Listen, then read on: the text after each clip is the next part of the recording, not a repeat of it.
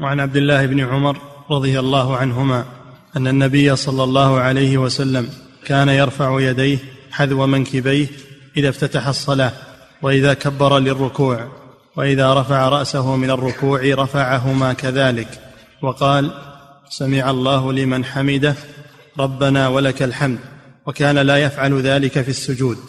نعم. هذا رفع اليدين عند التكبير. متى يشرع في الصلاة ومتى لا يشرع؟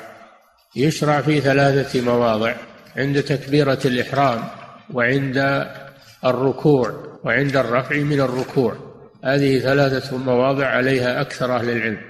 وهناك موضع رابع أيضا وهو إذا قام من التشهد الأول. قال به أه- بعض أهل العلم وهو صحيح لأن الدليل عليه صحيح من السنة.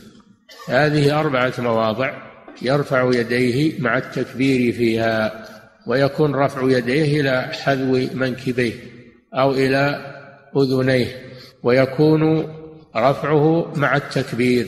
إذا شرع في التكبير يرفع يديه وينهيه مع نهاية التكبير. فهذا من آداب الصلاة ومن السنن الفعلية في الصلاة. وأما رفع اليدين عند السجود فهذا ليس من السنة كما في هذا الحديث. ما كان النبي صلى الله عليه وسلم يرفع يديه عند السجود. نعم. يقول فضيلة الشيخ وفقكم الله إذا نسي الإمام قول ربنا ولك الحمد بعد التسميع فهل يسجد للسهو؟ لا. الصحيح والذي عليه الجمهور أن الإمام عليه أن يقول سمع الله لمن حمد أما إذا قال ربنا ولك الحمد فهذا ليس بواجب عليه لكنه أفضل وأحسن. نعم.